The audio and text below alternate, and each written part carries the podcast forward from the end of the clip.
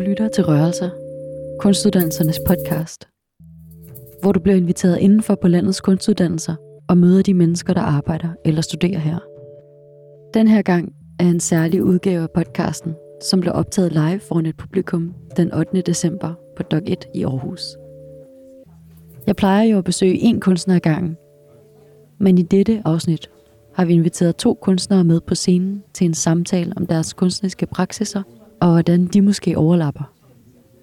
Det er Mikkel Skov, som er uddannet guitarist fra det Kongelige Danske Musikkonservatorium i København, og så er det komponist, tekstforfatter, sanger og underviser på det jyske musikkonservatorium, Christina Holgersen, som får lov at starte med at sige lidt om sig selv. Jamen, øh, jeg er komponist og øh, sangskriver, sanger, altså udgiver musik, øh, skriver nogle gange til andre, og øh, så er jeg adjunkt på konservatoriet, musikkonservatoriet her i Aarhus, i sangskrivning og kunstnerisk entreprenørskab også. Og udover det, så er jeg musiksagkyndig, hedder det, i Nordisk Ministerråds kunst- og kulturprogram. Og jeg har været formand i Statens Kunstfonds legatvalg for musik de indtil for to år siden, sådan en fireårig periode, og sidder også i nogle forskellige bestyrelser og har gjort det igennem forskellige perioder. Så der er sådan, man kan sige, det til sammen udgør det sådan en, en, øh, en måde at være i verden med musik på. Jeg har igennem de seneste år øh, været meget optaget af at arbejde mere tværkunstnerisk med min musik, og har sat forskellige øh, af musik. Øh, jeg har egentlig arbejdet rigtig meget med forfattere og musik. Øh, arbejdet meget sammen med forfattere gennem de senere år her. Øh, jeg ved egentlig ikke, hvorfor det er blevet sådan. Det er bare blevet på den måde. Øh, arbejdet med, med, med Helle Helle og Leonora Christina Skov, som jeg har arbejdet med i en længere periode nu her, turneret med os. Og vi har arbejdet med at også lave et album sammen faktisk. Og øh, øh, Josefine Klogart og Stine Pilgaard, så det er sådan faktisk mange forskellige kvinder, det er blevet til. Øhm, og i den der proces, der har jeg altid sådan lært noget om mig selv, både sådan øh, kunstnerisk set, og menneskeligt også, men, men, men egentlig også om det øh, felt, der hedder tværkunst, eller det, trans, altså det, der transcenderer derfra. Og øh, blev på et tidspunkt sådan optaget af øh, at prøve at se det lidt udefra. Så lige nu har jeg øh, faktisk et forskningsprojekt på konservatoriet, som handler om, at øh, jeg har øh, seks studerende fra sangskrivning og seks studerende fra øh, forfatterskolen i København, som arbejder sammen om at skabe værker. Og det er rigtig spændende for mig at se på, hvordan de ligesom arbejder med det her felt, og hvordan de også griber det virkelig forskelligt an. Og nu er vi sådan, sådan ret, altså lige startet med processen, så jeg glæder mig sådan rigtig meget til at følge, hvordan det udvikler sig. Og det er rigtig dejligt for mig, ligesom det her med at få et metablik på det, jeg selv gør. Fordi når man er i noget, så man sådan, kan man ikke løfte blikket. Så synes jeg, det er fantastisk det der med at prøve at ligesom sætte det i scene for nogen, og også videregive noget. Og det er egentlig, ja, hvad kan man sige, det er en måde, jeg arbejder meget på det der med, at jeg selv skal gøre noget. Altså det er vigtigt for mig at arbejde med min, med min egen kunst, og at ligesom øh, træffe de rigtige valg der. Altså som ikke handler om penge, eller som ikke handler om overlevelse, men som handler om noget, jeg er nysgerrig på, rent kunstnerisk, og det har jo forandret sig gennem lang tid, kan man sige. Jeg, har, jeg er 48, jeg har været med mange år. øh, og øh, altså at have den kunstneriske praksis på højt niveau, og samtidig med også at give noget videre, og, øh, og gøre det på konservatorieniveau, og, og, og også være med til at sætte nogle linjer i spil, kulturpolitisk. Øh, og når jeg har de her forskellige elementer, så føler jeg også, at jeg kan gå ind i hver 18 uden frygt. Øh, fordi de ligesom giver noget til hinanden, og jeg føler ikke, at jeg er... Jeg føler, at jeg øh, kan fritstille mig selv i hvilken af de her... Altså, jeg, kan, jeg behøver ikke at sidde i en bestyrelse, hvis jeg ikke har lyst, for eksempel. Jeg kan tage de rigtige beslutninger i forhold til noget undervisning fordi at det ikke, altså jeg kan bare lade være. Eller sådan, så så der, der, der er sådan en eller anden, det er sådan en indre, et, en, et indre sammenhold, der er i det her. Det er en indre øh, sådan, øh, systematik. Og det er også noget, det jeg arbejder rigtig meget med at tale med de de studerende om, faktisk, i forhold til kunstnerisk entreprenørskab. At det er en måde at være i verden på, det er en måde at sætte sin kunst i spil på. Altså jeg har selv oplevet meget, at der er sådan en stor kløft mellem det der med, hvad man gerne vil fortælle om, og der hvor man bruger sig selv 100% i sin kunst, og så det, man faktisk lever af. Og jeg synes, der skal være et rum for, at vi kan tale om, hvad vi også lever af. Altså sådan, at det ikke ligesom bliver sådan et... Øh, ja, altså at vi ligesom tør være ærlige omkring det her. Og for mig at se, der er øh, det, vi gør jo rigtig meget entreprenørskab også. Som kunstner, der gør man jo rigtig mange forskellige ting.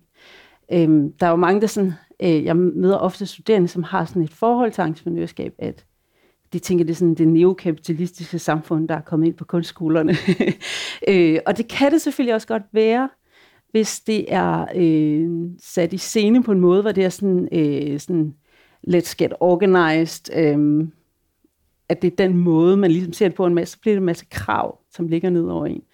Men for mig der er det egentlig vigtigt, at det også øh, rammer helt ind i den kunstneriske kerne, og at det bliver processuelt, mere end at det er sådan øh, værktøjsorienteret. Øhm, og at det netop er det der med, hvordan, hvordan kan jeg også forholde mig til det, jeg, altså det, jeg bare kan.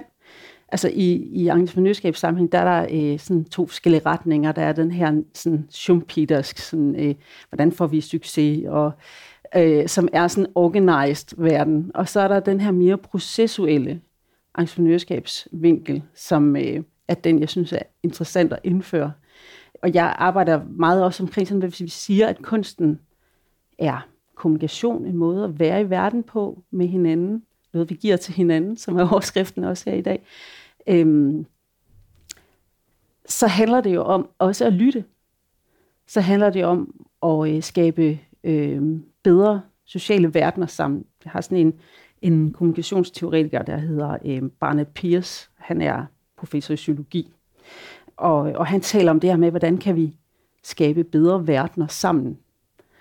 Og der tænker jeg også, at man som kunstner jo skal ture og derhen og lytte og bruge sine kompetencer ikke kun til at uh, transmittere et udtryk fra en scene, men at blive mere uh, dialogorienteret, mere relationelt orienteret og tænke mere på, hvordan man øh, stiller spørgsmål i verden mm.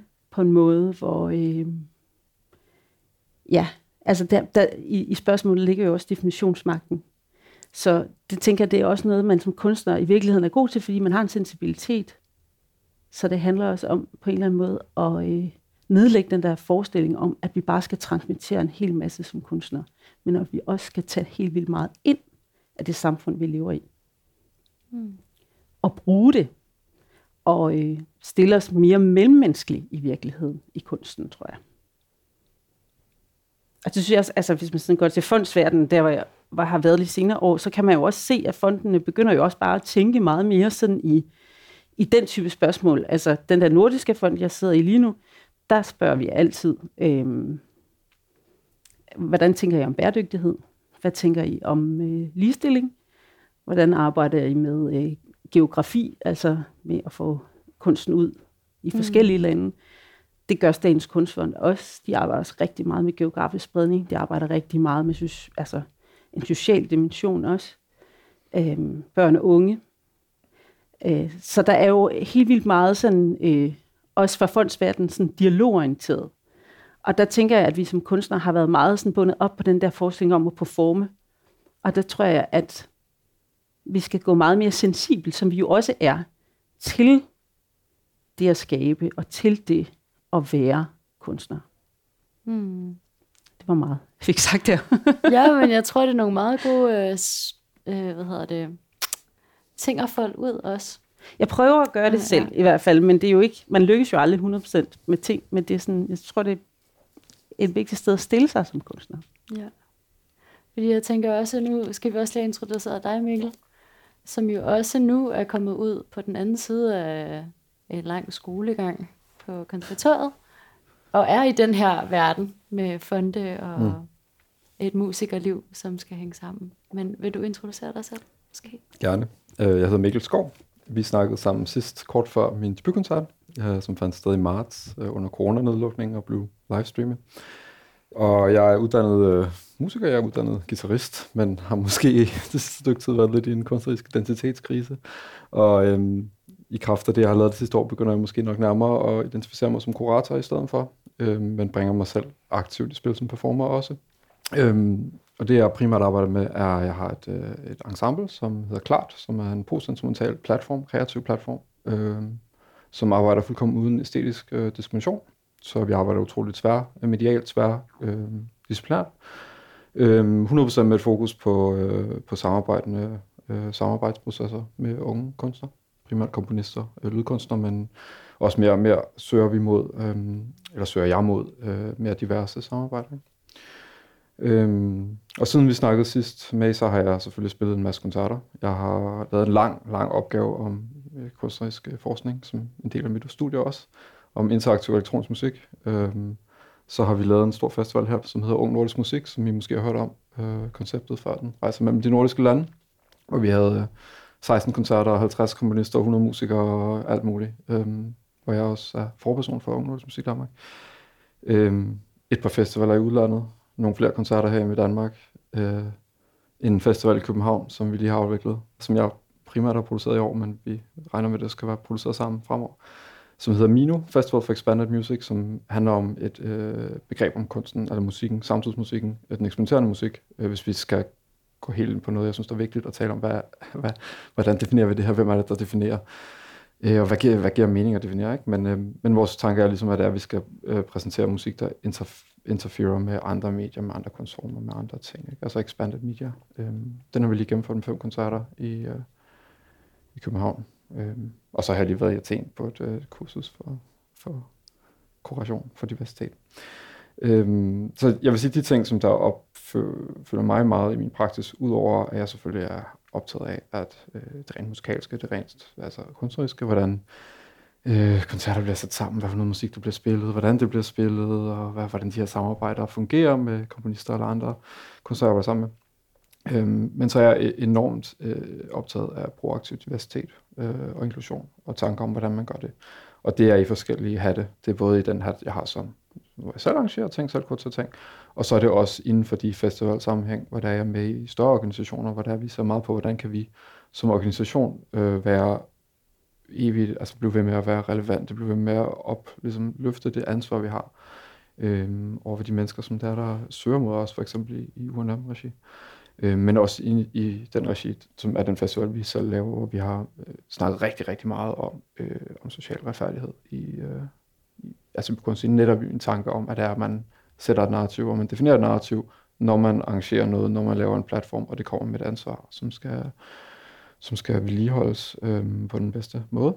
Øhm, så det er en ting, jeg er meget interesseret i. Så er jeg meget interesseret i at i stedet gennem klart at skabe en platform for unge komponister, som bemyndiger de her, altså en bemyndelse af unge mennesker, som måske ikke har haft så mange samarbejder med, med ensembler før, øhm, og som oftest bliver mødt af en øh, professionel verden, som er meget sådan, gør det, fordi vi skal bruge det til det, og du kan gøre øh, det her i dine midler. Øh, og så har du forresten en dag til at have prøver med os, øh, hvor vi er lidt grumpy, fordi at, øh, vi ikke får nok i timen for at have prøver. Ikke? Altså det sker jo rigtig meget den fortælling, jeg, jeg hører fra mine medstuderende. Og øh, en af grundene til, at jeg startede det her sammen, var jo netop, at jeg var sådan, altså det, jeg simpelthen ikke synes, det gik ikke. Altså det var, det var ikke kunstnerisk øh, produktivt. Øhm, og nu udvikler det sig, og, øhm, og min ambition er, at, vi skal, at det skal blive til en, en platform. Øh, ikke noget, som er meget fast, måske nogle gange samme mennesker, som er med til det, fordi jeg ligesom kan arbejde sammen med det, men noget, som breder sig ud, og simpelthen kan, kan arbejde og tilbyde noget værdifuldt for mange flere mennesker, øh, end vi gør i dag. Øh. Så ja, det har jeg, det er det, jeg har arbejdet med. Øh, en masse urførsler, en masse nye værker. Øh, jeg ved ikke, hvor mange vi har lavet, 30 urførsler i år eller sådan noget. Øh, par 20 projekter ikke? med forskellige. Så jeg har haft travlt, må man sige. Jeg har, det lyder så, jeg har været, været heldig. Øh, jeg har fået, øh, tilliden til at, at lave nogle øh, store ting, og, og så har haft nok energi til at, at tørne igennem en masse mindre ting, øh, som jo kan være lige så værdifuldt for alle involverede, både musikerne og komponisterne og publikummerne. Ikke? Altså, mm. øh, Så stadigvæk med sådan en stærk DIY-mentalitet, men også mere organiseret nu. Jeg tænker på at spørge sådan, øhm, nu er det jo sådan ikke særlig kosher at snakke om øhm, økonomi, Ja. muligvis. Men er det liv, som du lever som musiker, er det bundet meget op på altså de her fondsansøgninger, som de Ja, så 100 procent. Ja. Altså, ja, man kan sige, at det, den musik, som genre, som jeg interesserer mig i inden for kunstnerisk, er 100% ikke kommersiel. Altså, den er det er musik, der er 99% øh, øh, støttet af fonde, ikke? Men øh, hvor man så kan sige, at der er en masse andre argumenter for, hvorfor det er, det er vigtigt at have den, øh, den pluralitet, æstetiske pluralitet i et samfund, øh, og også noget, som jeg håber, vi kan snakke lidt om øh, senere måske, hvordan det er, at øh, musik kan skabe et fællesskab, og et meget, meget meningsgivende, meningsfyldt fællesskab, for øh, jamen, faktisk vil jeg påstå en stor gruppe mennesker. Øh, for eksempel den slags kunst, som der er, jeg, jeg er interesseret i som meget, meget eksperimenterende, og bevæger sig i grænsefaldet med mange forskellige medier. Ikke? Øhm, så det er 100% op, opfundet af fonds øh, penge, kan man sige. Det tror jeg, altså ligesom det her arrangement jo også på en eller anden måde er, altså et eller andet sted kommer det jo fra. Ikke? Øhm, og så kan man jo så sige, at så er der sådan mange andre ting, med mange af de private fonde, der får nogle skattefordele, eller øh, altså, øh, og hvis man ser på samfundet som helhed, så kan man også argumentere for, at der bliver måske heller ikke brugt nok penge på kultur, i forhold til, hvor lidt det, det måske i virkeligheden er. Ikke? Men, øhm, men så ja, det, det, det er det der. Øhm, 100%. Og jeg er enormt glad for, at der er den mulighed for at lave den slags musik overhovedet Mm. i det her land. Ikke? Måske kan vi åbne øh, også samtale mellem jer. Øhm, om jeg har nogle spørgsmål til hinanden, må jeg også meget gerne øh, bringe dem på banen. Men jeg tænkte også på sådan, det med at undervise i entreprenørskab. Hvad er det ligesom, hvad er kernen af det, som du gerne vil give de studerende, eller hvad er det, de, øh, hvad er det du prøver at, at sende dem ud med, eller hvad man skal sige? Ja, og det er jo faktisk sjovt, fordi det er faktisk sådan lidt svært at sige, at man underviser i kunstnerisk entreprenørskab, fordi det, det lyder som sådan et eller andet øh, quick fix på noget, som er rigtig svært. Ja, ikke? jeg fik det til lidt som en toolbox. ja, det er det. det, det øh, Ja. Og det, det er faktisk det, jeg gerne vil afmontere, fordi når jeg hører begrebet entreprenørskab, bliver selv sådan ret stakåndet, eller sådan tænke, åh, der er, det, er sådan, det er sådan en kasse ja, med, med, med alle mulige redskaber i. Og i virkeligheden synes jeg, der er noget fint i det der med ligesom at tænke det som øh, en måde at tage sin øh, kunstneriske praksis alvorligt på, uden for den institutionelle ramme. Og ligesom prøve at altså, skabe sammenhæng. Altså jeg er meget sådan optaget af sammenhængskraft, eller mangel på samme, altså sådan i, i forhold til, hvad, hvad uddanner man til, og hvad er der derude, og, og hvordan tæller de ting sammen. Så, så øh, jeg prøver på en eller anden måde at øh, få den enkelte til at finde det ståsted, hvor man kan gå ud i verden og virke på den måde, som man bedst ligesom øh, kan gøre det. Mm. Og, og, og, og ikke nødvendigvis blive en succes, men at også skabe mange veje til succes. Altså, at der ikke er et mål derude, men at der er mange forskellige mål. Ja. Og brede paletten lidt ud for, hvad det er, vi kan. Det tror jeg er ret vigtigt. Men det virker også som om, det er et skift fra at være musiker, som er sådan lidt, øh, hvad skal man sige, ensporet, ikke? Altså, du har også rigtig mange hatte, virker det til, eller sådan. Er det ligesom sådan, musikervirket er? Nej, men det er det, det er det jo ikke. Altså, det, det er det for nogen, men det er det ikke for særlig mange, fordi at, øhm, det, som det handler om, tror jeg, for rigtig mange, og for de fleste har også været for mig, det handler om at finde ud af, hvad der er meningsfuldt for, for dig, ikke? Altså, og vi prøver jo alle sammen på at leve meningsfulde liv, på, på den ene eller den anden måde. altså, det, nu griner en fra publikum lidt, som jeg kender godt, ikke? Men altså, det er nok flere, end enige, ikke? Altså, og, øh, og, og det er jo super vigtigt i en, øh, et samfund, som er så sammensat og kompliceret og pluralistisk, og stadigvæk ikke helt er kommet sig oven på postmodernismen, øh, og samtidig har vi en, en enorm tilgang af masseunderholdning og overfladiskhed og alt muligt, at, øh, at vi også giver plads til, at der er forskellige forestillinger om, hvad det gode liv er, ikke? også som kunstner. Ikke? Og jeg tror, at min personlige tilgang til det har jo været, at jeg fandt ud af, at dengang jeg fokuserede kun på at spille musik, så fandt jeg ikke selv mit virke vigtigt. Jeg fandt det måske tilfredsstillende, men jeg fandt det ikke vigtigt. Fordi at det betød ikke en stor forskel for andre mennesker. Altså måske kunne jeg nogle gange spille en fed koncert, og så var der nogen, der sagde på publikum, ej, hvor var det en dejlig aften. Eller måske kunne jeg uopføre et værk, og så var en kommunist, der var glad, og syntes, ej, det var fedt, og sådan, på, på en eller anden måde lidt, ikke? Men, øh, men ikke mere end det. Altså primært self-satisfaction, om det så var kunstnerisk eller ej. Men der er jo stadig masser af musikere, som der, der bare får den der enorm følelse af at være i kontakt med en levende tradition, og være i kontakt med et levende kunstværk.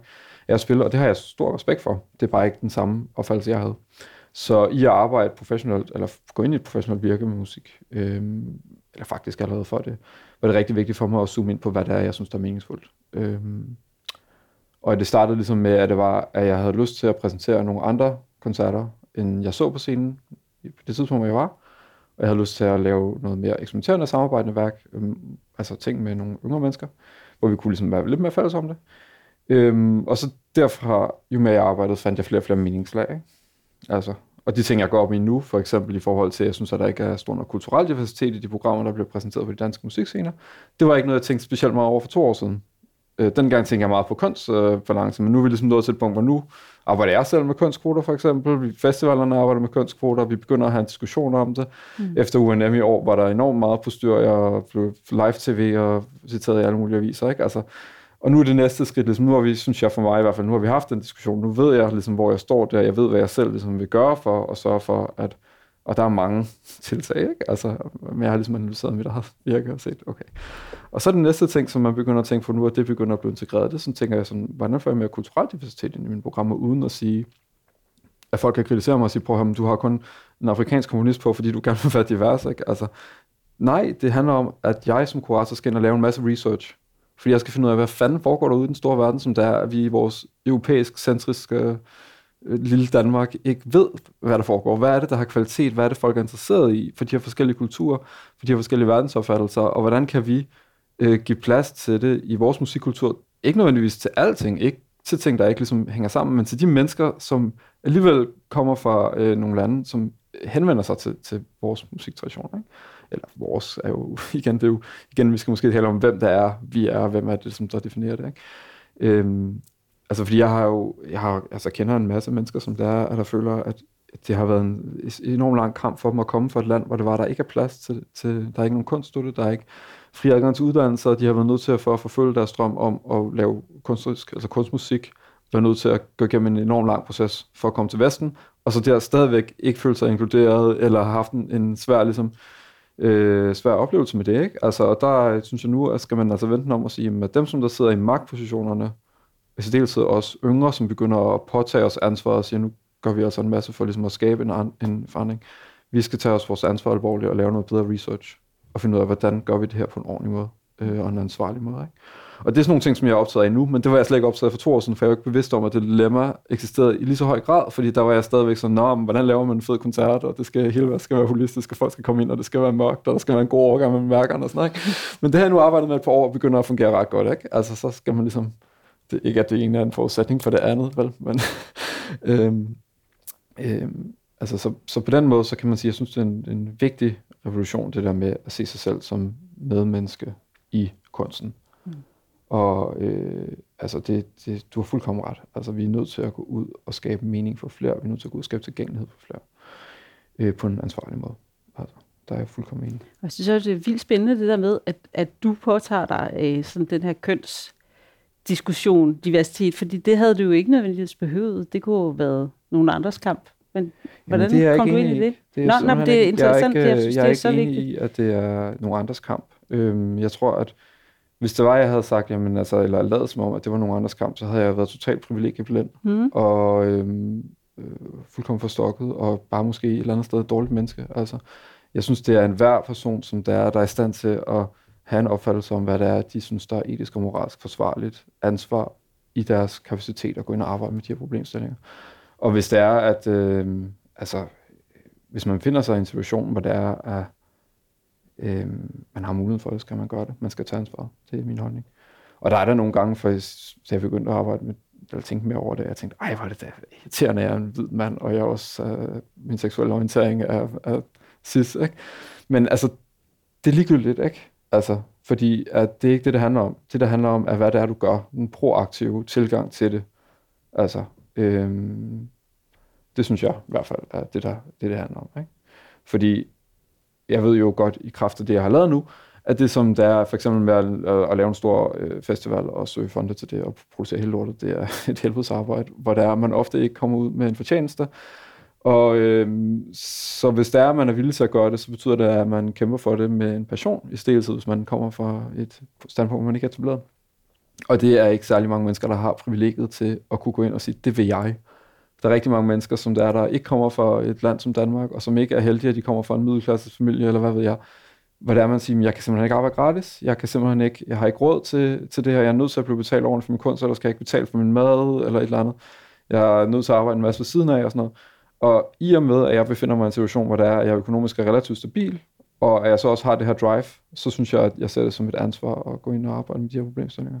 Fordi jeg er så privilegeret, og ligesom er bevidst om det privilegie. Øhm. Er du også i en position, hvor det her fylder meget? Eller jeg tænker, det med at sidde i, i de her ret store øh, fonde også, eller har gjort, ligesom, mm. og stå med en hel generation af kunstnere, som er Ja, altså det, er jo, det kan man jo sige er en magtposition, ikke? Og det, det har jeg tænkt meget over, altså at man også skal tage på sig øh, øh, i forhold til sådan en generositet, øh, men, men også i forhold til det her med, øh, altså hvad det er for noget, man kan gøre noget ved. Altså for eksempel så synes jeg, jeg blev fanget i, altså jeg har selv arbejdet rigtig meget med kønsspørgsmålet, øh, Øh, helt tilbage i 2012 var vi udgav ind på musikområdet, og det var så på det rytmiske område på det tidspunkt, fordi ja, det var alt muligt, hvorfor det ikke var både det klassiske rytmiske, men i hvert fald så lavede vi sådan en rapport, hvor vi talte, hvor mange der var øh, kvinder og mænd. Øhm, og der tegnede det her 80-20 billede sig med, med 80 i mændenes favør. Det vidste mange af os godt, men, men det, at den rapport kom frem, var på det tidspunkt helt op ad bakke. Jeg var sådan en talsperson for den der rapport, og jeg kan huske, Berlinske skrev sådan noget med, en rapport, der ikke for, for, fortjener andet end stiltigende glemsel.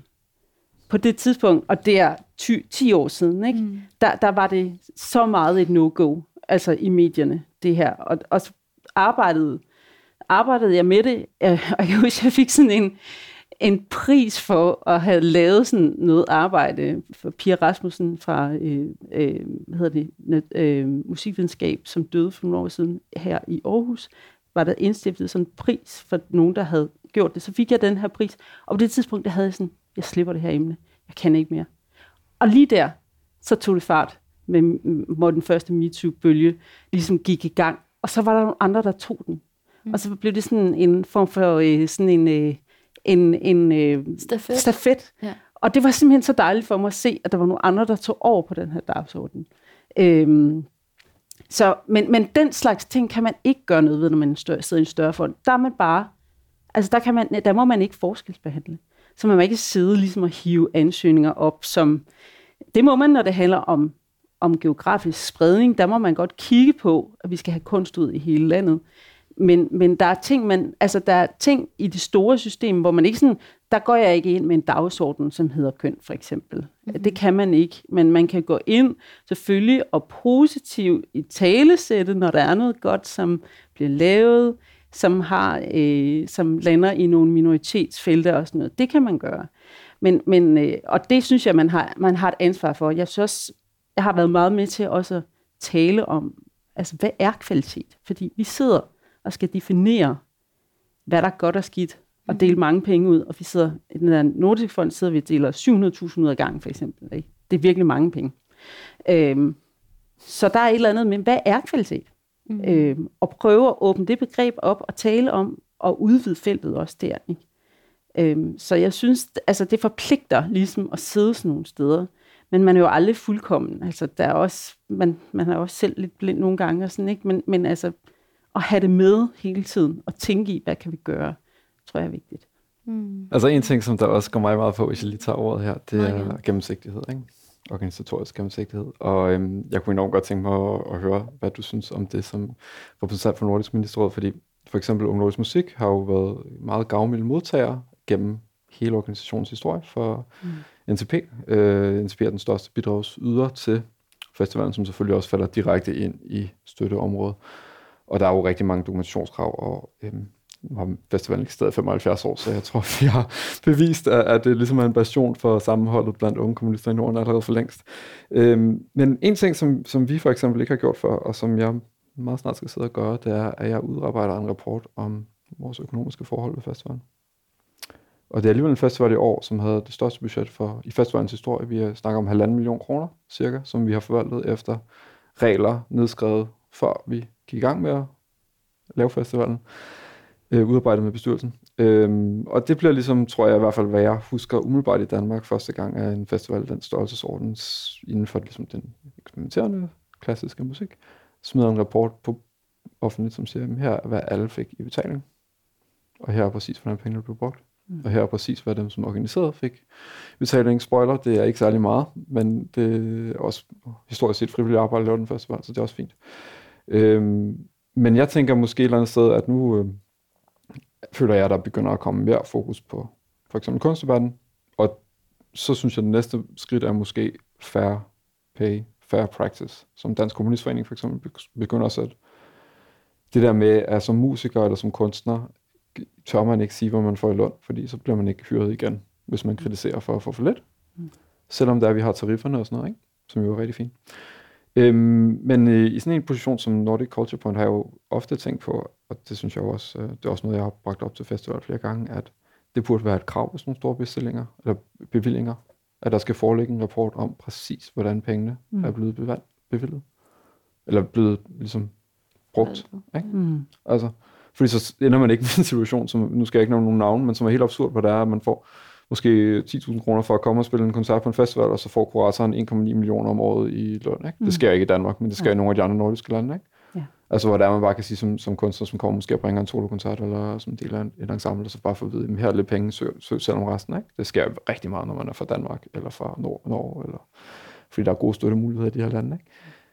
Og jeg synes jo bare et eller andet sted etisk, at det er dybt kritisabelt og fuldkommen uholdbart, men der er heller ikke nogen krav om, at de her ting skal offentliggøres. Og hvis der kommer nogle krav fra staten for eksempel, så er det meget obskurt, hvor de skal hen, og de kan gemmes og alle de der ting. Mm. Jeg vil jo personligt har jeg jo tænkt længe, jeg synes, det ville være en fantastisk revolution, hvis alle store bevillinger fra Nordisk, altså Nordic Culture på Nordisk Ministerråd kom med et krav om, at sådan en rapport skulle offentliggøres. Jeg tror, problemet i den anden ende er jo, at hvem skal læse dem, så er der nogen, der skal have altså ekstra penge for at sidde og, og, og gennemgå den, hvis man har det krav. Men, men, men det vi forholder os til, det er jo budgetter, og, og der, som du præcis siger, sidder vi jo og kigger på, jamen er der meget store salærer til nogle øh, bestemte typer af grupper, som ikke nødvendigvis har noget med kunsten at gøre, så kigger vi jo på det og tænker, ah, altså, så, så vi, vi, vi sidder og kigger på det, men det er klart, at indimellem, så foregår der jo ting, som man ikke Ja, og de, de foregår jo nok primært faktisk på de festivaler, som der, der er så etableret og har så godt ry, og der, de har så mange... Øh, som også har en stor egen indtægt måske i virkeligheden. Det er der jo ikke rigtig nogen festivaler inden for den her slags musik. Nej, 5 måske den, du er taler måske om. det allerhøjeste, ikke? altså, øhm, men altså, det bunder jo simpelthen i, i mange ting, som oplevelser, som jeg selv lidt har, men også bare helt konkret. Øh, uden at nævne navne, for eksempel festivaler, hvor der, der bliver fløjet et helt hold af øh, fagfolk ind, som bor på VIP-hotel en hel uge, og har deres eget ting reserveret, og sådan, sådan hver aften mad for en restaurant, ikke? Mens, mens kunstnerne får lige præcis over tarif, mm. dem som der, der ikke er berømt. Ikke? Mm. Øhm, hvor der man bare, altså, som udforstående er nødt til at sige, men det er jo, altså, det er fandme ikke i orden. Hvad? Ja, det er vigtigt, at pengene går til øhm, kunsten, ikke? Ja. Altså, ja men altså, der er igen, der er jo også det her med, jamen, øh, at der antager jeg faktisk også ansvar, ikke? Altså i min praksis, at sige, altså det kan godt være, at der ikke er noget krav om det, men for nu af alle de ting, jeg er med i, der kommer til at forelægge sådan en rapport, ikke? Til, på, til offentlig tilgængelighed. Ikke? Altså, men det synes jeg virkelig er måske det næste skridt at begynde at tage, og begynde at sige, at vi er nødt til at snakke om, hvordan det er, man rent faktisk lever bæredygtigt som kunstner. Fordi det er omkostningstungt at lave den her slags musik. Mm-hmm. Øhm, mm. Og rigtig ofte i sådan nogle fondsbevillinger, så bevilger de mindre, end hvad man søger om, eller Øh, men hvis ansøgningen så er baseret på, at folk skal have en, en, en, en løn, der svarer til den tid, de ligger ind, eller en arbejdsindsats, de er, så står man jo lige pludselig et forklaringsproblem, når der man har fået halvdelen. Ikke? Og der, nogle gange tænker jeg også på, hvad tænker fonden om det? Sidder de i en bestyrelse og tænker, at så giver vi dem halvdelen, og om de klarer sig nok med noget mindre løn. Altså, de... altså virkeligheden derude er jo, at, er nok lidt mere kompliceret. Ja, at, at der er, altså, det er jo en meget lille del, der bliver støttet. Ja. Øhm, og der er utrolig mange gode ting. Så nogle gange for overhovedet og, altså, og ikke skulle skære nogle, nogle ting sådan helt ned, så, så vælger man at give lidt mindre. Øhm, ja, det er selvfølgelig ikke optimalt, men på den anden side, så er det jo et håb om, at ting kan leve, øh, selvom at øh, der er for lidt penge. Og sådan en fond som, som Nordisk Ministerråd, der er, er lige blevet beskåret øh, 20-25 procent. Ja. Bare lige bum. Mm. Ja. Jeg tænkte også, om du ville vende en, eller knytte en kommentar til det med et bæredygtigt øh, liv for musikere. Er det nogle, nogle samtaler, I også har? Ligesom? Ja, meget. Ja. Og, og sådan mental sundhed ja. taler vi også rigtig meget om efterhånden. Øh, altså bæredygtighed kan jo være mange ting, og netop det der bæredygtige musikerskab eller kunstnerskab i det hele taget, synes jeg faktisk øh, bliver mere og mere presserende. Men jeg vil bare se, og i det her efterår, synes jeg, det har været tydeligt også, altså når det bliver oven på sådan en coronaperiode, nu skal vi til det igen, øh, der er rigtig meget stress involveret for rigtig mange mennesker. Øh, og hvis man altså er øh, i kontakt med verden, som man jo er som kunstner, måske sårbar i en eller anden forstand, og det vil jeg gerne være, for ellers kan ikke skabe det, som jeg skal skabe. Så der er også øh, der er noget med at passe på sig selv på, på, øh, på nogle måder, hvor, hvor vi ligesom øh, skal gøre. Jamen, jeg tror, jeg tror, nøglen er meget det her med og ligesom lave flere succeskriterier derude. At der ikke er en bestemt plan, man skal følge for at få et godt, og som du også siger, et meningsfuldt musikerskab eller, eller kunstnerliv men at, at man ligesom har nogle safe spaces, hvor man kan tale om de her ting, og kan blive ved med det, om, og hvordan vi så gør det, det øhm, vi starter en samtale på kunstskolerne, så håber vi, vi kan følge det op, og jeg tror også, at, at mange kunstnere jo finder nogle fællesskaber, hvor man bliver ved med at tale om de her ting. Men det er det, vi kan med en kunstskole. Vi kan starte en samtale.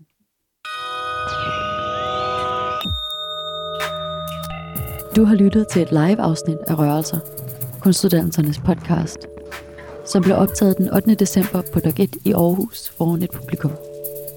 På scenen sammen med mig var Mikkel Skov, som også har sit eget afsnit af podcasten her, hvor du kan høre mere om den musik, han beskæftiger sig med i hans eget ensemble, Klart Ensemble. Og så var det Christina Holgersen, som er komponist og musiker og underviser studerende på det Jyske Musikkonservatorium i blandt andet entreprenørskab.